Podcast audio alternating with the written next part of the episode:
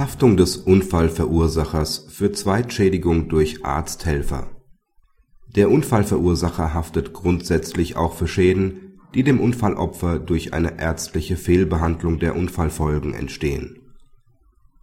Die Klägerin war als Beifahrerin bei einem Unfall schwer verletzt worden. Im Krankenhaus übersahen der Radiologe und der Unfallchirurg bei der Begutachtung von Röntgenbildern eine Verletzung der Lendenwirbelsäule. Dies führte dazu, dass der Unfallchirurg nur die übrigen Verletzungen versorgte und sich deshalb der Heilungsprozess um zwei Monate verzögerte. Das OLG verurteilte auch den Unfallverursacher für den durch diese Verzögerung entstandenen Schaden.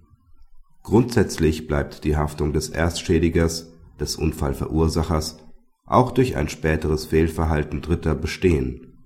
Eine Ausnahme von dieser Zurechnung gilt nur dann wenn der Zweitschaden durch ein völlig ungewöhnliches und unsachgemäßes Verhalten des Dritten verursacht wurde.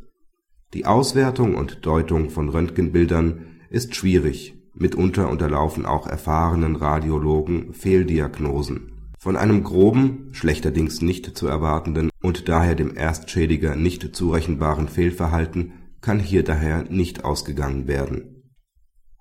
Praxishinweis das Urteil entspricht der Rechtsprechung des BgH zur Zurechnung. Der Kausalzusammenhang wird nur durch ein Verhalten des Zweitschädigers unterbrochen, der die ärztliche Sorgfalt in gröbster Weise außer Acht gelassen hat. Zu unterscheiden von dieser gesamtschuldnerischen Haftung im Außenverhältnis gegenüber dem Geschädigten ist das Innenverhältnis der Schädiger. Hier kommt es auf die Frage der Kausalität an. Kann die Feststellung getroffen werden dass bei richtiger Diagnose sich der Heilungsverlauf nicht um zwei Monate verzögert hätte, dürfte dieser Zeitraum ausschließlich in den Risikobereich des Arztfehlers fallen. Die Hilfsregel für den Gesamtschuldnerausgleich zu gleichen Teilen (§ 426 BGB) greift dann nicht ein